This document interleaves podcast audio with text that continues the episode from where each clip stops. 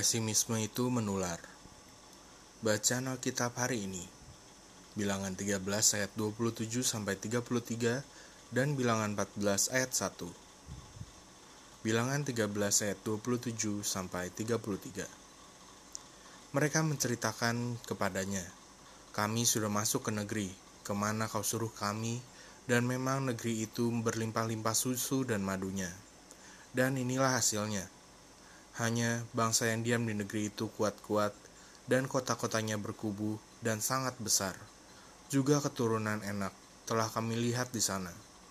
Orang Amalek diam di tanah Negeb, orang Het, orang Yebus, dan orang Amori diam di pegunungan. Orang Kanaan diam sepanjang laut dan sepanjang tepi sungai Yordan.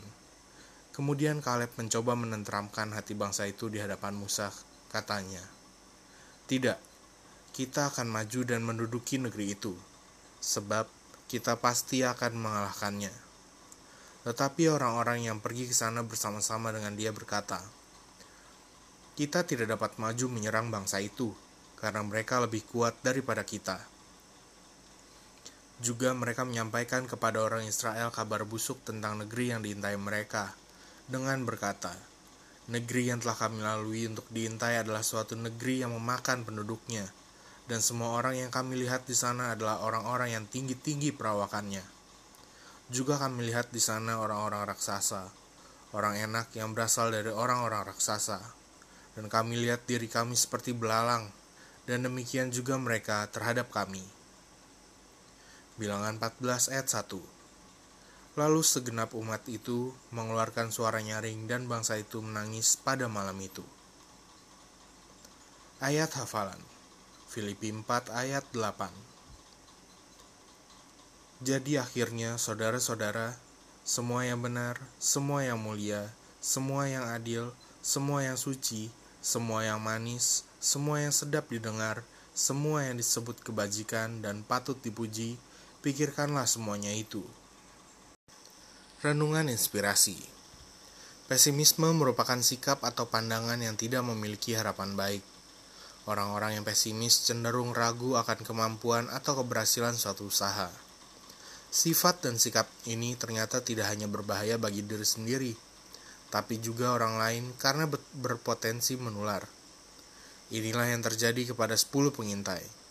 Sebagai perwakilan dari masing-masing suku, hasil laporan pengintaian mereka sangat berpengaruh kepada suku yang mereka wakili. Lihatlah pada bacaan Alkitab hari ini. Mereka mengutarakan kalimat-kalimat yang pesimis. Mereka menyampaikan kabar busuk tentang negeri yang mereka intai.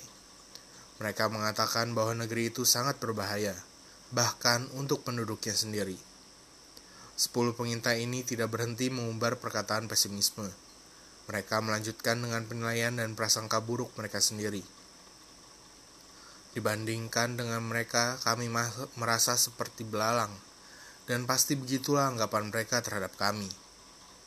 Bilangan 13 ayat 33, Bahasa Indonesia yang disempurnakan.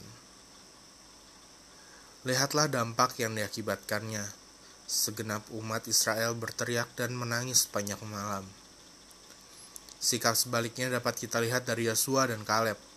Mereka mengeluarkan kalimat-kalimat yang optimis.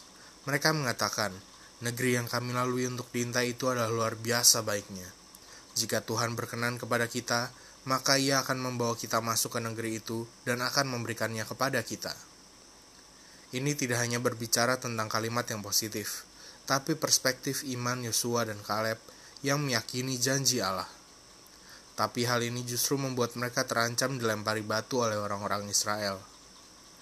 Kenyataannya, emosi negatif jauh lebih mudah diserap daripada emosi positif. Dengan mengetahui hal ini, sebaiknya kita mengurangi kalimat-kalimat pesimis di dalam keluarga, lingkungan pekerjaan, dan lingkungan pertemanan. Jikapun ada kenyataan yang tidak sesuai harapan, berusahalah untuk menyampaikannya dengan hati-hati, penuh hikmat, dan disertai solusi. Yang harus dilakukan Kurangi perkataan yang pesimis, berpikirlah dengan positif. Jika ada hal-hal yang tidak sesuai harapan, sampaikan pula dengan kalimat yang positif dan optimis. Refleksi diri Pertama, Apakah Anda menjalani hidup dengan penuh sikap pesimis? Gue ulangi, apakah Anda menjalani hidup dengan penuh sikap pesimis?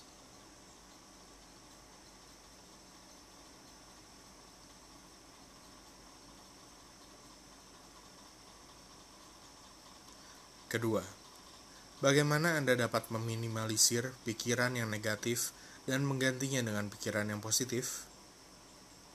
Gue ulangi, bagaimana Anda dapat meminimalisir pikiran yang negatif dan menggantinya dengan pikiran yang positif.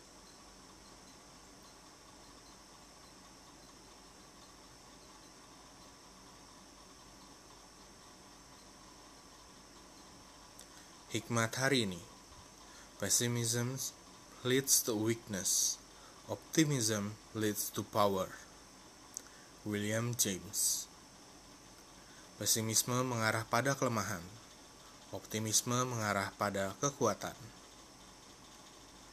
Pokok doa Bapa, aku menyesal jika aku masih sering menjalani hidup dengan pandangan yang pesimis.